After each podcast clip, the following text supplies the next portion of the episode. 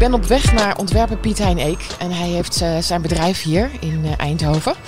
Um, in een oude Philips fabriek. En daar heeft hij zijn werkplaats en een restaurant. Binnenkort een hotel. Zijn winkel en natuurlijk zijn uh, kantoor. En daar heb ik afgesproken met hem. Ik heb gehoord dat het een leuke man is om mee te praten. Maar dat wat in zijn hoofd zit, dat het er ook echt wel uit moet. Dus ik ben heel nieuwsgierig wat me te wachten staat. Dit is Stijlkast, de podcast over interieur, design en styling.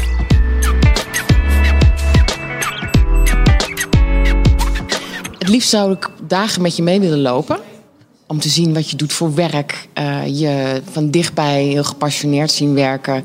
Door je winkel lopen, naar je restaurant, daar eten, in je hotel binnenkort overnachten. Uh, maar helaas, dat kan niet. Een podcast van drie kwartier halen we er misschien nog net uit.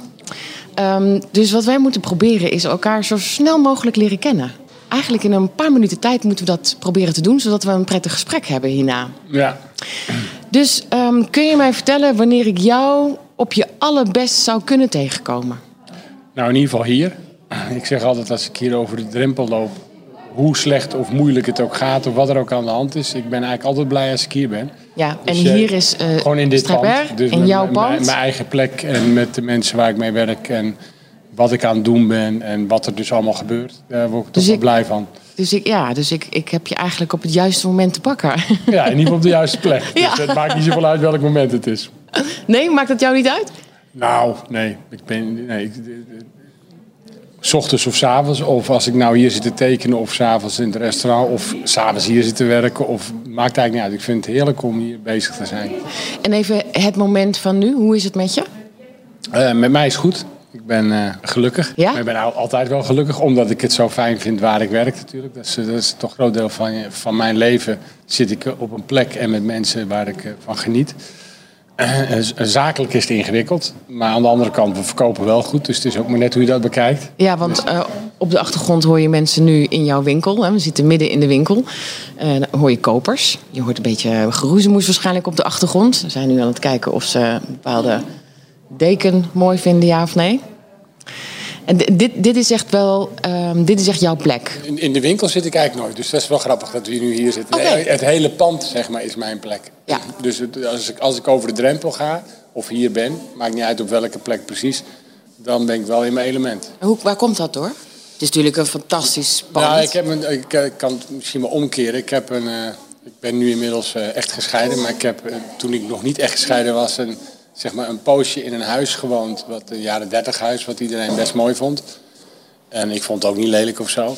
Maar ik werd er eigenlijk eh, gaandeweg eh, snel ongelukkiger, omdat het niet mijn eigen plek was. Dus het feit dat dit gebouw, eh, ja, dit heb ik niet gemaakt, of hè, dat hebben we gekocht van een oud Philips gebouw is het.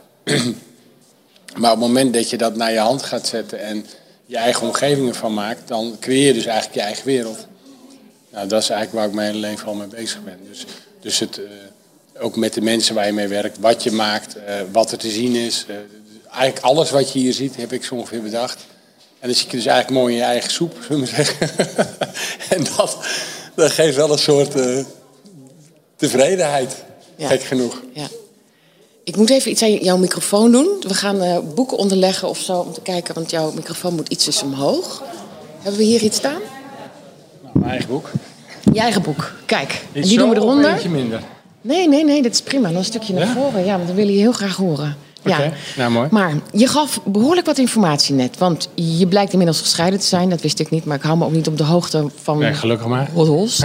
Ehm, je ging in een jaren dertig huis wonen, maar dat was niet helemaal jouw huis. Hoe, hoe, hoe, hoe, was het het huis of was het eigenlijk toch meer de emotie die nog in je schuilde? Nee, de- nee, want ik was best blij dat ik alleen woonde.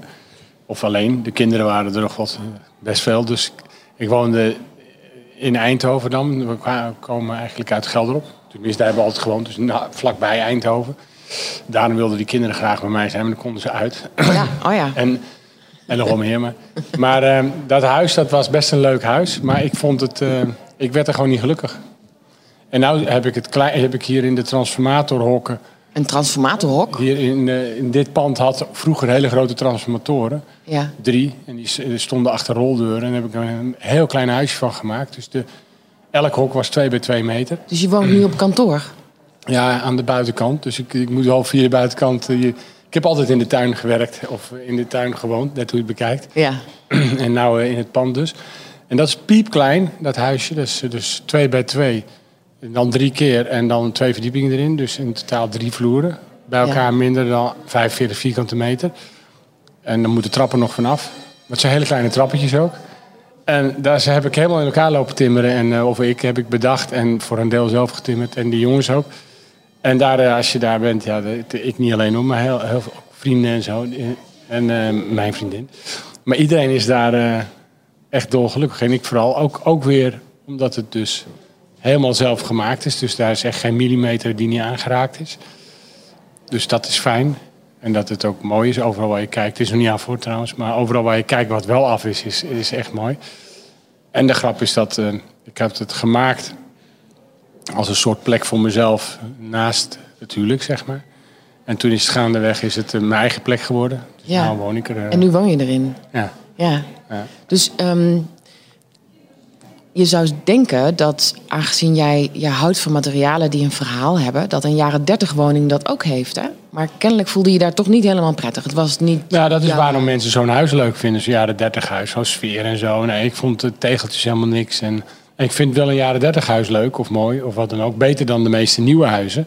Want die vind ik nog erger.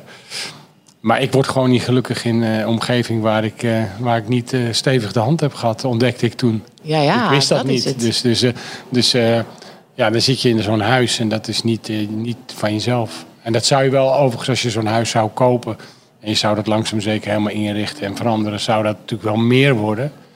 Maar zelfs dan nog, ik wil ook de plattegrond bepalen. En eh, Ja. ik vind het heerlijk om in mijn eigen plek, in mijn eigen bedenksels eh, rond te lopen. Want waar hou je dan vooral rekening mee? Wat vind jij fijn om in te wonen? Ehm, nou, ik hou van koken. En ik hou van eh, eh, eten, dus met mensen eten. Dus dat kleinste huisje, dat, heeft, dat is ook gewoon een tafel met een keuken. Oké. En het is echt piepklein, maar kan je wel met tien man eten. Met allemaal een stoel. Je kan nog met meer, maar je kan allemaal zitten en eten met tien Op man. één etage. Op één etage. Op- ja. En koken ook, op diezelfde etage. Ja.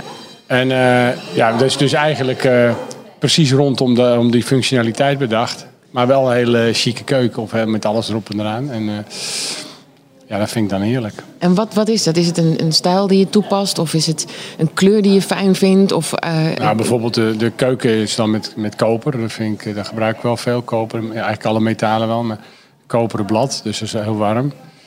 En ja, gewoon de, de openheid. Zit, ik heb dus die, die, die, die, eh, die rolluik heb ik opengemaakt en iets naar buiten gewerkt. Anders had het helemaal niet gepast.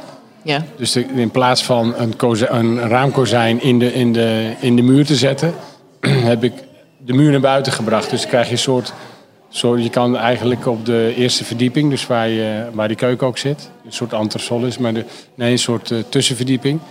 Daar kan je op de vloer kan je een centimeter of 35, 40 het raam inlopen. Oh ja. Dat is dus dat oude rolluik. erkertje. Er is Ja, een erker ja. eraan vast. En Ja. dat is precies het verschil waardoor het nu wel gaat. En anders was het echt, echt onmogelijk geweest. Dat wist ik toen ook niet precies. Nou, hij heeft wel zitten tekenen.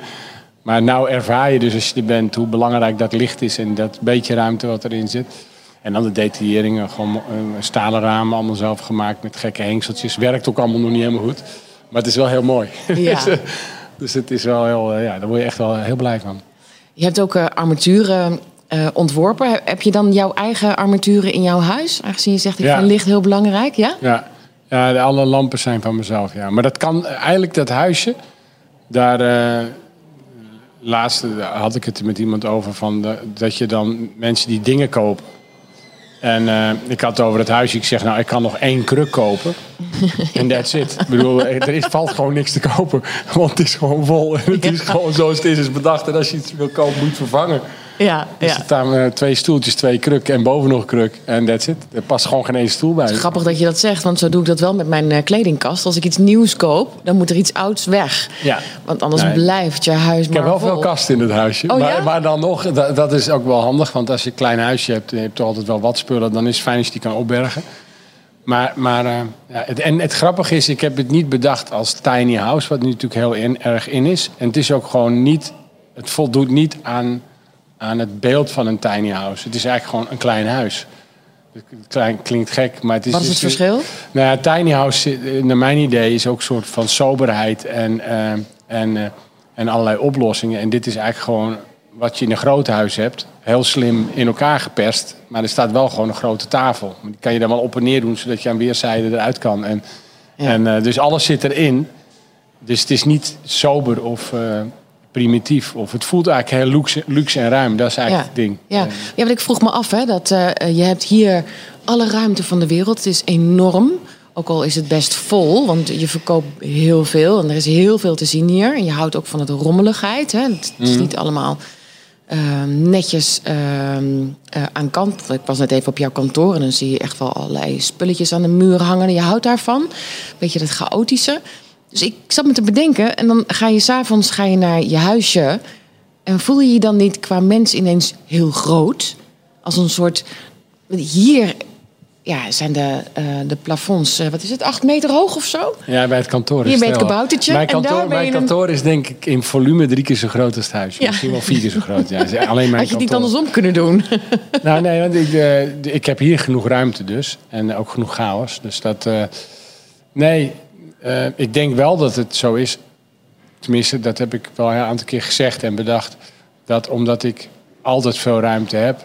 is het gebrek aan ruimte waar je woont niet zo erg. Maar het voelt niet zo. Het huisje voelt eigenlijk niet klein. Dus, dus Nee. misschien is dat niet waar, maar dat kan ik nou niet ontdekken. Want het is niet zo. Hè? Het is- Nee, het- ja. het- het- maar Maar je bent happy, dat, daar begonnen we eigenlijk mee. Ja. Je bent blij en gelukkig en Ja, je hebt stappen ja. gezet in je leven die jou eh, eh, gelukkig hebben gemaakt. eh. Ja, ik ontdek, ik ben eigenlijk altijd wel gelukkig, omdat ik wat ik doe vind ik echt ontzettend leuk. Dus, dus ja, de, de, de, Wat doe je eigenlijk? ja, heel veel bedenken wat gemaakt wordt met heel veel mensen. Dus er komt ontzettend veel uit. En, Ja. en dat doen we met z'n allen. Dat geeft ook heel veel plezier. Heb je een leuke club mensen om je heen kunnen opbouwen? Ja? Ja, nou wel. Dus het probleem in het bedrijf is de productiviteit. Dus dat is toch diezelfde club mensen die heel leuk is, die niet productief genoeg is. Maar goed, dat is dan moet je. Hoe kan dat? Ehm, ja, dat, is, eh, de, de- dat heeft met planning te maken en eh, hoe, hoe, je, hoe je plant en hoe urgent je dingen maakt. En, eh, Betekent dat dan dat at the end dingen te laat afkomen? Of, te eh, langzaam. klanten alles wat, je, alles Ja. wat je langzamer doet dan zou kunnen of moeten, betekent dat het volgende weer nog later komt. En dan, en dan verdien je op een gegeven moment eh, natuurlijk steeds, als het steeds langzamer gaat, verdien, je- verdien je steeds minder. En dan heb je steeds langere wachttijden, wordt steeds lastiger te plannen. Dus, dus eh, gewoon leuk, maar strak gepland zou het moeten zijn. Het was leuk en minder strak gepland. Dus, ja. Dus nou zijn we daar aan het proberen om te buigen. Dus dat is op zich ook wel een heel leuk proces. Ik was daar een paar weken geleden, of een maand geleden, of twee maanden geleden, was ik daar wel echt eh, eh, eh, ja, een beetje wanhopig over. Zo Ja. van, ja, wat, wat moet ik nou? Ja. Het is hartstikke leuk allemaal, en iedereen is aardig, maar het lukt voor geen meter. En daar is- heeft wel plaats gemaakt voor eh, wel weer de zin, zin erin hebben. En ook zo van, ja, dan moet ik het zelf maar voor een deel doen. En wat ik nooit gedaan heb, die planning. En dan kijken of we het eh, ten goede kunnen keren. Dus, eh, en dat is ook wel weer positief, want dan reageert iedereen weer heel, heel goed. Dus dat is ook wel weer Ja, mooi. ja. En als het dan lukt, is het weer, dan is het goed natuurlijk. Maar dat zijn wel weer uren dat je niet aan het werk bent. Wat je nou zo leuk vindt. Wat het nou zo leuk maakt. Ja, die discussie heb ik mijn hele leven al.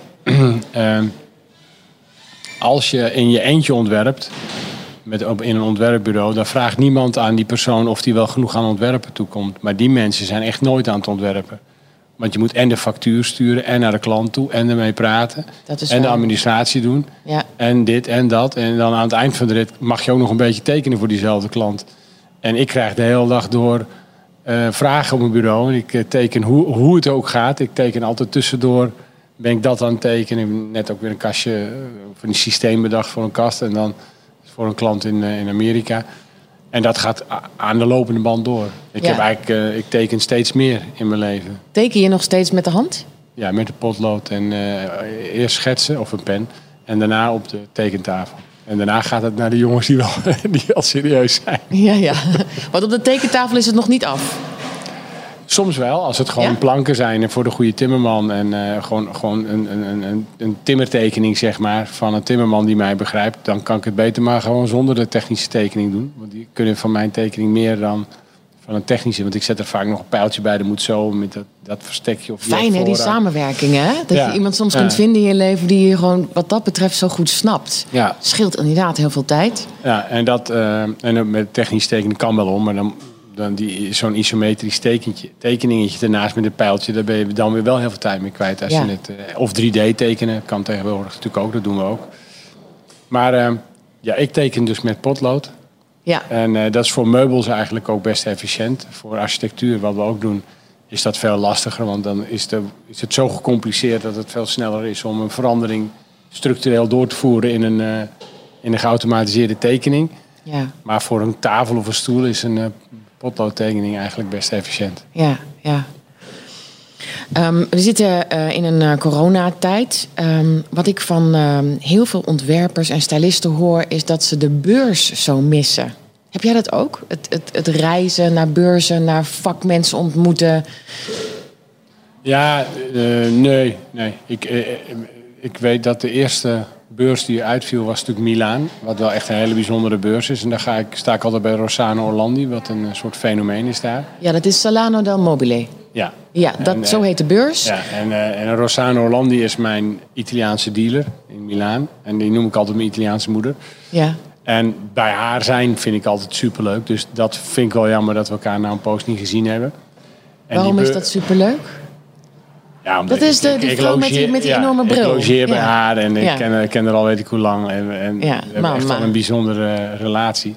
En het is altijd één keer of twee keer per jaar, want ze komt ook altijd naar de DDW. Wat nu ook niet doorgaat. Dus Design Week, ja. Ehm, eh, eh, ja, zien we elkaar en daartussenin meestal ook nog één of twee keer.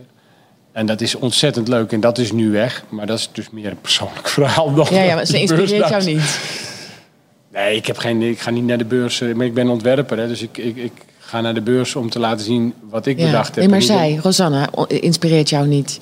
Dat Nee, lijkt me een nee, ontzettend gewoon leuk, als- gek mens. Ja, nee, wel in Ja. die zin. Het is gewoon een heerlijk mens. ja, ja. dus, ja. Dus, eh, dus, dus heel, heel sprankelend en, eh, en fijn om mee te zijn. En ook wel ingewikkeld natuurlijk als je ermee moet werken. Maar ik heb daar nooit zo moeite mee. Ik kan het altijd goed met te vinden. Oh ja? Staat ze bekend als een, eh, een, een moeilijk type? Nee, ja, ze, ze is eh, grillig. Ze doet gewoon waar ze zin in heeft. Oh ja. Dus zeer eigenzinnig. Dat herken nou, jij natuurlijk wel. Ja, ik ben wel iets, eh, iets diplomatieker dan zij is. Ik, ik, ik ben wel... eh, eh, ik heb meestal wel rechte lijnen zo. Ik ga niet op en neer. Zij gaat echt... Ja, ja. maar de- ik vind het juist heel charmant. Dus. Ja, ik zal in de show notes zetten wie Rosanna is. En Ja. met een linkje erbij naar haar website.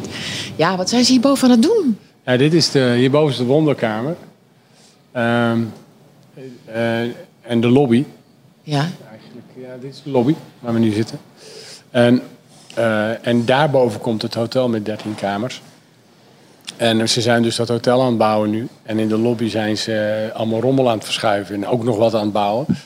Dus is, eh, er wordt gebouwd boven, Ja. nogal. hoe kun je nou in coronatijd een hotel neerzetten? Nou ja, dat is jaren geleden al gefinancierd. En dus we gaan het gewoon bouwen. Dat is ook altijd goed. Als het slecht gaat, moet je altijd iets doen, vind ik. Ja, goed zo. En niet dat ik dat expres doe, maar toevalligerwijs is er nog geen crisis voorbij gegaan. Of wij eh, zetten er nog eens even een schepje bovenop. In de zin van eh, we investeren. Dus dat is, eh, ik weet niet hoe het komt, maar het is altijd raak op dat moment. Ja, En er gaan altijd bakken met geld uit. En de zorgen worden er echt niet minder om. Maar uiteindelijk denk ik dat je juist door iets te doen in tijden dat de meeste mensen wat terughoudend zijn, eigenlijk wel best wel een goede investering doet. Omdat eh, ja, als, als je doet wat iedereen doet, dan eh, krijg je en minder aandacht en, enzovoort enzovoort. En wij openen nu een hotel. En eh, ja, dat zal, het zal heus niet zo druk zijn als in hoogtijdagen. Maar het is wel een nieuw hotel op het Ja. moment dat er heel weinig nieuwe hotels geopend worden. En het is ook niet zo'n groot hotel. En het is ook, denk ik, een, we hebben het bedacht omdat deze plek, zeg maar, met de werkplaats en alle ateliers die erbij zitten en de showroom die eromheen zit en de winkel en het restaurant en de galerie, dat die nu al heel veel mensen trekt die hier gewoon naartoe komen om een dagje uit te zijn of om het leuk te hebben. En eh, dat is natuurlijk nog wel in de, als je een hotel hebt waar je, waar, waar je naartoe kan gaan en waardoor je eh, je een dag of twee kan vermaken door hier te zijn en rond te kijken. Eh, dat is misschien in coronatijd nog wel, eh, wel meer eh, eh, behoefte aan dan normaal. Dat is waar. dus, ja. dus het is maar net hoe je het allemaal bekijkt. Hè? Ja, ja, dat is waar. Dat is waar. Krijg je vaak kritiek op de dingen die je doet? Nee, ik word niet. ik moest gelijk aan mijn ex-vrouw denken, die vindt altijd. nou, die, ik doe heel veel. En mensen die om me heen staan, en ook als je gaat scheiden, maar ik had ook mijn, mijn compagnon, ben ik ook een paar jaar geleden, of meer dan vijf jaar geleden, van gescheiden. Zo voelt het. En die zie ik overigens nog. Ik zie, ik zie mijn, mijn vrouw ook nog heel veel. Maar eh, eh, gelukkig, gelukkig allemaal al best goed. Ja, dat heb je goed gedaan. Met mijn compagnon heel goed zelfs. Daar ben ik heel blij mee. En eh, op het moment dat je uit elkaar gaat, dan is die, dan is die, die eeuwige zoek naar, naar doorinvesteren en die spanning die er dan is en het feit dat er zoveel eh, risico genomen wordt, opeens iets beangstigend. Terwijl als je er middenin zit en meedoet, dan denk je ja leuk, eh, we, gaan lekker, we doen lekker mee. Ja, Dus van de buitenkant af, als je belanghebbend bent, zou je liever wat, eh, wat veiligere keuzes zien. En als je erin zit, denk je, huppakee, leuk. heb je het nu over jouw ex-vrouw en jou? Ja, en Vond zij dat jij wat ook- te veel risico nam? Ja, ik neem altijd heel veel risico. En dat is voor bijna iedereen heel beangstigend. Maar ik heb... Ik zeg altijd, ja, ik heb, ik heb het er al die tijd mee gedaan. Mhm. Dus er zal ook wel iets goeds in zitten. Ja. ja, ze kijkt het ook niet. ja, volgens mij wel. Volgens mij doe je het heel goed. Je beweegt. Ja, maar het is wel, ja, dat is het. Het is wel altijd op het scherpst van de snede. Dus ik kan me niet herinneren dat het ooit makkelijk is geweest. Dus, dus ik ben financieel niet iemand die voor veilig. Ik ga sowieso nooit voor veilig. Waarom niet? Wat geeft het voor gevoel dat je niet voor veilig gaat? Roept het iets bij je op? Nou, ik denk altijd eh, als ik eh, twee gulden heb en ik leen er eentje bij, dan kan ik nog iets meer doen. Hoe Ja. meer ik doe, hoe leuker het is. Dus voor mij is dat. Ik heb altijd zoveel plannen dat ik gewoon tot de max probeer die plannen te realiseren. En dat, dat is natuurlijk voor een ontwerper en eh, voor wat ik doe, is dat ook bevorderend, denk ik. Ja, Want dat betekent dat, dat bijvoorbeeld, we hebben nu een aluminium keuken net gemaakt. Nou, eigenlijk is er helemaal geen tijd of niks, maar die hebben we toch gemaakt. En er komt nou een lamp, die is nu net door een ex-werknemer, joepie, getekend. En er is een jongen die ook ontwerper is. Ik denk, hoe ga ik die nou toch krijgen? En dan denk ik, nou vraag ik Joep. En die Ja. doet wel meer van ons nu. En hij tekent hem helemaal werk. Dus de hele tijd aan de telefoon. "Jongen, Doe dit, doe dat. En nou heeft hij dat helemaal uitgewerkt. En dat gaat dan naar een metaal-laserbedrijf. Dan krijgen we al die onderdelen binnen. En dan gaat Piotr die werkt die lamp maken. En over twee weken, als dan de officiële... Het moment waarop de Dutch Design Week zou beginnen. Kijk, wij zijn gewoon open. Dus wij hebben die spullen. En ik wil dan gewoon toch dat mensen als ze hier komen wel een bijzondere ervaring hebben. Maar dan, normaal gezien hangt die lamp dan. En, en eigenlijk is er geen geld. Maar als je hem niet maakt, kan je hem ook niet verkopen. nee, dat is ook zo. En als je niks nieuws hebt, dan is er geen reden om hier naartoe te komen. Nee. Dus ik denk dan bij mezelf, maak hem wel, neem maar risico.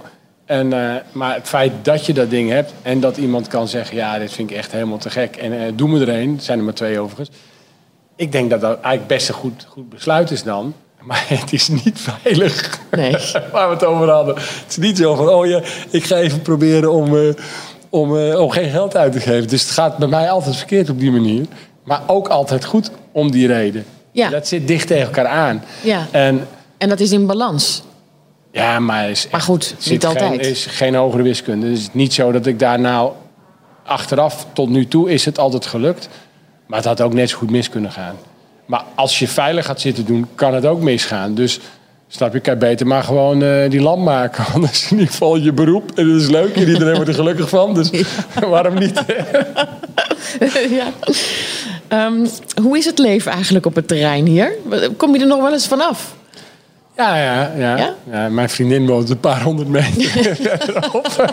nee, een kilometer verderop. Onder de rook van het Philipsstadion. Ook in een klein huis, maar in een gewoon klein huis. Dus niet piepklein. En, eh, en we gaan best wel naar veel plekken. Maar door corona inderdaad ben je, is het wel minder mobiel. Ik bedoel, ik reis helemaal niet. En ik overigens zijn we in de zomer wel gewoon eh, in Portugal geweest. En ik ben in Duitsland nog een paar keer geweest voor, de- voor de zaak. En, dus ik, ik reis nog wel meer dan de meeste mensen. Maar in principe is dat een beetje over. En dat vind ik helemaal niet erg. Dat niet reizen. Nee. Ik vind het wel erg dat je niet kan reizen. Ja, dat is het, hè? Dus dat, het, dat je het niet doet is één. Maar dat het nou allemaal niet meer mag, daar Ja. daar ben ik niet per se helemaal mee eens. Maar, Nee, maar ik kan me voorstellen dat je... Je bent zo'n vrijbuiter. Je bent zo bezig met uh, je eigen grenzen verleggen... en ook misschien daardoor die van anderen. Dat uh, niet reizen en niet kunnen doen wat je eigenlijk wil... je misschien wel ook beperkt, ja. Ja, ik heb één voordeel. Ik hou niet van reizen. Ja. Dus als ik heel veel gereisd heb, wat vaak voorkomt... elk jaar eigenlijk heb ik een cyclus die te veel is... En elk jaar zeg ik dan, nou voorlopig niet. En dan krijg je dus een poos niet. En dan gaat het weer mis. En dan, dat is een ritmiek die zit al uh, 10 of 15 jaar in mijn uh, bestaan. Ja. En uh, nu is dat weg. Maar dat, ik, het reizen zelf mis ik niet. Maar nou, de mogelijkheid hebben we wel. En het is gewoon ook wel... ja, sommige plekken zijn natuurlijk te gek om naartoe te gaan. Ja, ja, sommige plekken van de wereld mis ik ook echt nu. Ja. Ja, ja. Maar dat komt wel weer. ja komt vast. Komt vast. Zeker. Um, weet je wat ik zo leuk vind? Dat, uh, um, dat jij van uh, uh, oude materialen houdt. En van nieuwe machines. Maar ook van oude machines met nieuwe materialen. Ik vind die, die, die combi zo leuk. Dat jij soms geïnspireerd raakt door wat een machine kan of doet. Ik heb het idee dat er heel veel vakmanschap is verloren gegaan. Omdat we niet meer weten hoe we met een aantal machines van vroeger kunnen werken. Wat voor machine heb jij nu hier staan van je zegt, ja, dat ding dat doet zoiets leuks. En daar hebben we nu iets vernieuwends of iets meer van nu. Ja, we hebben al poos geen machines gekocht. ik wilde op een gegeven moment dan een laser of een waterstraler kopen. Maar ik ben blij dat ik dat niet gedaan heb, want dat upload je nu ergens. En dan komt het twee dagen later voor bijna niks binnen. Ik kan het ijzer niet eens verkopen. Dus dat Leg is, het eens uit. Nou, een lasermachine die, die, die, die brandt een soort spleetje. In een, dus kan je vormen meemaken in metaal of in andere materialen. Maar metaal, ik doe veel in metaal, dus metaal was het ding. Mm -hmm. En um, ik heb heel lang gedacht, ik wil zo'n lasermachine. Ja. En, uh, en, dat hebben we niet gedaan toen, omdat er gewoon geen financiën waren. En toen hadden we ook twee ponsen en weet ik wat. Wat een hele, echt een Agenebisch machine is. Maar echt rotding is dat. Een boem, boem. Heel lomp. Ja. Maar als je gaatjes wil hebben, is die wel sneller dan een laser. Dus dat is wel leuk. Je moet producten maken met een hoop gaten erin. is dan goedkoper. Dat enorm herrie. Ja, ja, je moet gewoon heel veel gaten hebben. Dan is het een heel goedkoop ding. Dus een rooster is met een pons veel goedkoper te maken dan met een laser. Want dan moet je elke keer een gaatje beginnen en een rondje. En, en zo'n pons doet gewoon bom, bom, bom, bom. Dus, dus een hele mooie, ook een hele leuke machine. Maar... Um, Inmiddels is het zo dat door, door internet, en dat is echt wel een beetje, dat is al een poos aan de gang, maar dat begint nu echt wel enorme vormen aan te nemen. Uh, daar hebben ze gewoon algoritmes bedacht, waardoor je een tekening uploadt uh, in een compleet geautomatiseerde omgeving. En die, die tekening gaat gewoon naar de machine toe. En dan uh, zeg je nou over vier dagen betaal je wat meer, want dan hebben ze minder ruimte om het in, in, de productie te nestelen. En als je dan drie weken neemt, dan is het, dan kost het, bij spreken wordt steeds goedkoper. Ja. En, en dat is volledig geautomatiseerd en volledig geoptimaliseerd. Dus die fabrieken draaien 24 hours. En het enige wat de mensen doen is een keer een pallet pakken en die in een vrachtwagen stoppen en naar de klant rijden. En dat is zo onbeschrijfelijk goedkoop. Ja. Ten opzichte van hoe het vroeger was. Dus ik zit nou net, nee, afgelopen weken zat ik te denken, oh dan kan ik misschien die producten weer maken, want die waren eigenlijk te duur. Oh. Maar ja, als je al die onderdelen bijna voor niks krijgt en je hoeft het alleen nog maar te lassen, dan is het toch een, een leeuwendeel van die kosten zijn dan weg. En dan, Ja. dan wordt een product opeens misschien, hè, dus daar ben ik nu over aan het nadenken, misschien wel weer betaalbaar. Dus dat vind ik eh, een mooie ontwikkeling. En dat is eigenlijk het tegenovergestelde van wat wij eigenlijk doen, namelijk alles zelf in eigen huis met eigen ambacht en eigen machines en eigen materialen. En het leuke is dat het, het sloophout waar, we natuurlijk, waar ik van be- meest bekend mee ben, of waar ik bekend van ben, dat is niet uit te besteden. Daar heb ik eh, vaak zat mee, dingen mee geprobeerd, maar daar heb je echt een cultuur voor nodig om daar waar maatvoering en kleurkeuzes en, en wat dan textuur wel en niet leuk en mooi en fijn is. Er zijn steeds keuzes. En die, die kan een machine niet maken, eh, want er is niet eens een uniform Nee. materiaal. Ja, gelukkig ben jij toch nodig dan. Dat is echt een menselijk. eh, Ja. Als je het over productie hebt, is dat een heel menselijk product. En, eh, en dat kan je dan tegen die, dat staal eh, aanhouden bijna. Dat die twee werelden zo verschillend zijn. Dus het een is echt puur een ontwerp waar ik eh, ook heel graag mee werk. Hè. Dus wat kan een machine? Wat, wat is typerend voor dat materiaal? En, en hoe kan je dan het meest archetypische product of een heel slim product maken? Ja, dat is eh, eigenlijk... fantastisch om, om te doen. Ja. Want, want dus dat speelveld van jou wordt nog groter? Ja, misschien wel. Ja. Misschien is dit wel een soort van uh, doorbraak naar ook een ander soort uh, en meer betaalbaar product dan ja. wat we voorheen hadden. Ja. Kun jij vertellen hoe het kan zijn dat een product te duur is of wordt? Alles als, als je in een fabriek in Nederland uh, een mens aan de gang zet, dan is het eigenlijk te duur. Dat, dat is, dan is het dus duur, laat ik zo zeggen. Te is, dat is onzin, want als, het, als je er we verkopen best veel. En dan hebben kennelijk mensen ervoor over. En als je het natuurlijk niet kan uitbesteden ergens anders, dan is het het zeker waard. Want dan kan je het ergens anders niet krijgen. Dus als je het dan mooi vindt, ja, dan is het dat. Ja. Dus dat is een beetje natuurlijk wat wij doen. Maar in principe is het produceren in Nederland door de, door de arbeidskosten is, uh, eigenlijk niet te doen. Ik las ergens dat je je bezighoudt met de herbestemming van gebouwen en architectuur. Hoe zit dat in elkaar? Nou, we hebben dit gebouw natuurlijk gedaan. En in principe ben ik iemand die uitgaat van het bestaande. Dus het sloophuis is daar een voorbeeld van. Maar eigenlijk is het gewoon deze omgeving met de fabriek, met mensen, met materialen is dat ook. Dus eigenlijk is het hele leven een voorbeeld van uh, je hebt dit, je kan dat ervan maken of je kan daar komen. En toen we dit pand gekocht hebben, toen, ja, toen was dat een soort, ja, niet een bouwval, maar het was wel in hele slechte staat. Overigens is het nou nog steeds niet in een hele goede staat, maar nee? het, is, het, het, voelt wel heerlijk en het is mooi. En, uh, en we hebben er ontzettend veel aan gedaan, overal dubbel glas ingezet en weet ik wat allemaal. Maar ehm, door dit pand uh, zijn we wel gevraagd om hier op het terrein nog twee gebouwen te doen. Of is dat ervan gekomen? En hebben we, een van die gebouwen heb ik met Iggy Dekker samengewerkt. Die overigens hier zichzelf vrijwillig had gemeld na de afstuderen om de deuren te komen schilderen. Tenminste, dat wist ze niet, maar uiteindelijk ging ze deuren schilderen. Oh, wat leuk. En dat is mijn compagnon geworden in de architectuur. En daar hebben we samen een gebouw mee gedaan wat hier op het terrein staat. En toen nog een aantal. En nu hebben we eigenlijk een, uh, ja, een architect, architectenbureau, want zij is wel architect. Wat, uh, ja, waar we heel veel opdrachten hebben. We maken ook een villa die in de bosrand hier staat, een soort schuur. Oh. De meest simpele woningen zijn allemaal hele mooie villa's en wij maken schuur. en die opdrachtgevers zei... Ja, Moet het ook een schuur worden? Ja. Of, nou, ja, of is het zo groot nee, als een schuur? Nee, het is, het is allemaal heel groot, maar dit is niet de grootste, zeker niet. Maar de, de reden om onze opdracht te geven was dat, we, dat het vooral niet bijzonder moest zijn. Het moest gewoon een normaal huis worden. Dus en, uh, nou, ik hoop dat, we dat, uh, dat dat gelukt is. Dat vind ik bij een hele rare opdracht voor jullie, toch? Het moet vooral niet bijzonder zijn en dan kom nou, je bij jou ja, uit. ik begrijp dat heel goed. Want uh, wat ik doe is, voelt vaak heel natuurlijk aan.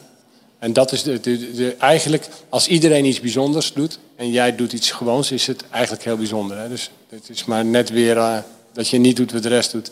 En in de architectuur is natuurlijk de, de, de, de in de vormgeving ook, maar in de architectuur is dat wel heel nadrukkelijk aanwezig, is de wens om iets uitzonderlijks neer te zetten per ontwerp eigenlijk de belangrijkste drijfveer. Dat is, er is bijna geen architect die je daar niet op kan betrappen. Ja. En overigens, ik heb dat vaak als alleen maar negatief gezien. Omdat, omdat 99 van de 100 gebouwen daardoor heel lelijk zijn. Want gewoon iets goeds neerzetten is moeilijk genoeg. En als het dan ook nog eens een keer fantastisch moet zijn, dan mis je alles wat, wat dan goed had kunnen zijn. En dan, dus, dus krijg je echt uh, veel lelijke dingen. Maar ik ben er een beetje op teruggekomen, want de echte hele mooie dingen komen ook daaruit voort. En die zijn dan wel weer oogstrelend. Dus er zijn architecten uh, die ook een, wel een, handschrift hebben opgebouwd waar ze uit kunnen putten. En er zijn ook gebouwen die uit de lucht zijn komen vallen waarvan je denkt van ja, dit mooier wordt het leven niet. Dus het is misschien wel de moeite waard. En dan moet de rest maar weer gesloopt worden in het kader van een werkgelegenheid of zo. maar, dat Philips gewoon industriële gebouwen neerzetten... en waarvan iedereen zegt, goh, dat is echt mooi. Omdat ze helemaal niet bezig waren om een echt mooi gebouw neer te zetten. Dat is wel een grappige gedachte. Ja. Dat het juist mooi is omdat er geen behoefte was om iets moois te bouwen. En denk je dat wij dat ook vinden van de gewone architectuur van nu over 50 jaar? Nee, nee, ik denk dat de gewone architectuur juist nu ook toch wel erg zijn best doet om heel mooi te zijn. Ja. Dus dat, dat het voor bijna alle architecten, ook in de opdrachtgeverszin en ook in de, in de, in de zin van hoe journalisten erover schrijven, de, de, de hang naar uitzonderlijk mooie dingen maken die, uh, die voor altijd, voor altijd uh, herinnerd zullen worden. Uh, in plaats van, hè, want dat is een keuze die je zou kunnen maken van ik maak gewoon iets heel goeds en dan wordt het vast ook mooi. da- daar zit een enorm spanningsveld. En dat zit veel breder dan alleen in de architectuur. Ik denk dat dat iets is wat, ja, wat gewoon gegroeid is in onze tijd. Een soort perceptie. Ja, maar ik, ik, ik herken het ook wel. Als stylist wil ik ook liever iets toevoegen aan het vak... dan dat ik denk, nou, ik ben gewoon lekker normaal bezig. Ehm, en ik zorg dat een huis in balans is. Uiteindelijk is dat wel wat je doet. Maar in mijn hoofd wil ik toch wel iets bijzonders neerzetten. Ja, nou ja. Is dat misschien maar- onze creatieve brein? Nee, ik denk dat het, dat het eh, een overwaardering van het creatieve Ja? beroep is. Dus het is een, de- met de rijkdom is ook die creativiteit natuurlijk even veel meer ruimte gekregen. Vroeger was alles noodzakelijk. En dan was er helemaal geen overweging of het mooi was. Het was gewoon, dit is de simpelste manier om een stoel te maken. En dan had je een paar thema's in. En die stoelen zijn dan, eh, die worden dan miljoenen keer gemaakt door die timmerman. Ja, dat was op een gegeven moment gewoon echt een mooie en goede stoel. Want eh, die wist wel hoe je stoel moest maken. En nu zijn we ontzettend op zoek naar, eh, naar verbijzondere, verbijzonderingen. En ja, dat is niet altijd met het gewenste resultaat natuurlijk. Nee. Wat is eigenlijk jouw beste resultaat? Ja, toch de plek. Ja? Dit, dit, gewoon de omgeving. Blijft in die- dit gesprek elke keer terugkomen, hè? Ja, Deze ja plek. maar gewoon de omgeving. Maar ik vind ook, ik heb ook, eh, als we het over stileren hebben, maar over, of over inrichten, we hebben, we doen best veel inrichtingen. En eh, dat valt helemaal niet op, want als je daar komt, denk je dat is niet ingericht. Dus, dus, dus een voorbeeld van. eh, Oh, daar ben ik heel nieuwsgierig naar. maar een van de eerste dingen die we deden waren de bakkerswinkels in Amsterdam van eh, Piet Hekker. En toen gaf hij een interview en toen vertelde hij eigenlijk in dat interview alsof het zijn eigen winkel was, waarin, eh, waarin hij bij wijze van spreken dat in- als je dat zou lezen zou je denken, goh, Piet heeft het ingericht Ja, zelf. ja. En toen was ik een beetje geërgerd. Ik zeg, ja, Piet, dat is mijn beroep. Je moet wel zeggen dat ik het heb gedaan. maar toen dacht ik later, eigenlijk is het wel leuk. Want is precies wat ik wil. Want ik wil eigenlijk iets maken waar hij... Want het is zijn winkel, het is niet mijn winkel. Ik bedoel, ik hoef er geen broodjes te verkopen en te smeren... en, eh, en, en geen klanten te ontvangen of gasten te ontvangen. Dus achteraf dacht ik, eigenlijk is het heel goed gelukt. Dat hij zich zo op zijn gemak voelt dat het als zijn winkel voelt. Ja. Dat is het grootste Compliment, compliment wat je, kunt kan krijgen. Ja. Maar op dat moment was ik toch wel geïrriteerd. maar ze zijn al een heel lange klant geweest. Dus wij hebben best wel veel klanten die, eh, waar we heel veel voor doen. En die winkels die voelen vaak Naturel. ja, gewoon zo van ja, dit is een winkel. Ja. En eh dan kun je brood kopen. Ja, maar dat, ik vind toch dat deze woorden te weinig doen eh, aan, aan, aan wat je maakt. Ik, naturel vind ik dan beter. Dat het heel naturel, Ja, heel, heel gewoon vind ik alsof we Ja, alleen nou oké. bakkerspulletjes ja. Nou, neerzetten. vanzelfsprekend, weet ik veel. We hebben een Ja. bakker nu in, eh, in Bloemendaal en omstreken... waar we best wel een aantal winkels voor gedaan hebben. Eh, van Vessen. En die... eh, ja, daar, daar is ik een paar jaar geleden mee begonnen. Of nu nog wel langer. En daar maken we echt alles voor. Dus de meubels, de, de, de, de counters, de, de verlichting. En nu ook de kleuren. En eigenlijk steeds meer. In het begin deed hij meer zelf. Van, nou, zo, nou doe jij het maar. En dat doe ik gewoon. En nooit dezelfde winkel. Het is elke keer anders. Maar we hebben wel nou, een soort systematiek voor een meubilair. Dat zou standaard moeten worden, maar dat verandert hij steeds. Dus is ook grappig. niks lijkt op elkaar, geen winkel lijkt Nee, op het elkaar. is wel heel herkenbaar. Hoor. Wat wij doen is wel echt een winkel van hem. En dat staat alleen maar bij hem. En het is, eh, dus die balies zijn wel echt significant. En, en er zitten enorme broodrekken bij van aluminium. Dus het is, het is heel herkenbaar. Maar elke winkel is toch anders in de zin van de pui. Dus het gebouw is leidend eigenlijk. Ja. En hij is, is ook een heel erg leuke man. Ik, ik vind het allemaal leuke klanten. Heb. We hadden het laatste over. En toen zei hij, ja weet je, het is Piet. Als er dan voor jou iets binnenkomt, dan is altijd zo verschrikkelijk mooi. dus, die, dus dan ziet hij zo'n detail of wat dan ook. En ik denk altijd, dat ziet niemand, want dat valt ook helemaal niet op. Maar hij weet ook wat hij bij anderen ja. kan kopen. Ja, En zegt hij, ja, dat, dat is dan, dat, het lijkt er gewoon niet op. ja. Dus we maken dan echt alles voor hem, speciaal voor hem. En hij zegt, ja, ik, ik word er gewoon gelukkig van. Omdat het gewoon mooi is. En dat is niks bijzonders. Het is gewoon twee ijzeren te- dingen tegen elkaar gelast of zo. Maar met de goede maat, op de juiste manier gelast. En het gaat heus niet altijd helemaal goed. Want dat is met maatwerk natuurlijk best lastig. Het zijn, hele, het zijn hele, best wel grote projecten. Maar het is wel heel leuk om te horen dat hij, eh, dat hij dan gewoon echt blij wordt van wat er naar binnen, bij hem binnenkomt. En dat hij dan een broodrek krijgt. Ja, het slaat nergens op, heel de broodrek niet. Maar het is wel een prachtig broodrek. Maar misschien is het jouw motto. Dat je toch eigenlijk mensen blij wil maken met de dingen die, jij, Ja. die in jou, uit Ja, jouw hoofd maar dan komen. wel, zeker, maar daar heb ik lang, heel lang geleden ook al over nagedacht. eigenlijk is het een beetje, en ook wel over gesproken trouwens. En een, een interview ooit met Hugo Kamps was dat. En dat was een heel leuk interview. Die was heel kritisch. En op een gegeven moment werd hij positief toen hij merkte dat, het, dat, het, dat ik was wie ik was. Dat ik niet, uh, hij probeerde er doorheen te prikken, maar uh, ja, viel niks te prikken. Dus. en uiteindelijk was het was sowieso een heel leuk gesprek, want hij, hij, hij is echt wel een, een leuke man. Uh, maar um, ik had toen veel sterker ook de twijfel dat ik dingen maak die voor consumptie eigenlijk. En ik koop zelf, dus dat huisje is ideaal voor mij, maar ik hou me niet van dingen kopen. Dus van uh, iets kopen word ik niet per se gelukkig van.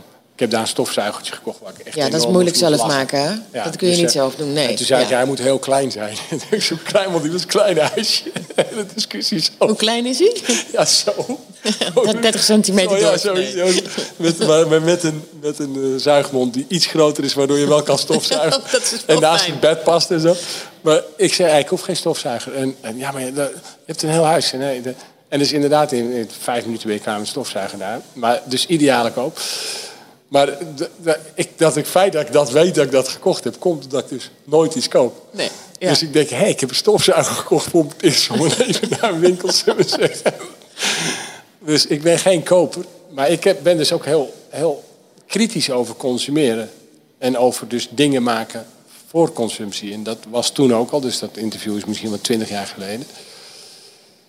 Toen zei hij, ja, maar weet je, het is Piet. Wat jij maakt, daar worden en, je zet de mensen in een omgeving en daar worden mensen gelukkig van. Ik bedoel, een mooie tafel of een mooie stoel en een fijne stoel is wel iets waar je elke dag plezier van hebt. Dus als jij in, in je huisomgeving of thuisomgeving of werkomgeving gewoon mooie spullen hebt en goede spullen met een goed verhaal, ja, dat, dan voeg je echt wel iets toe aan iemands geluk. Toen dacht ik, ja, nou ja, dat is wel zo.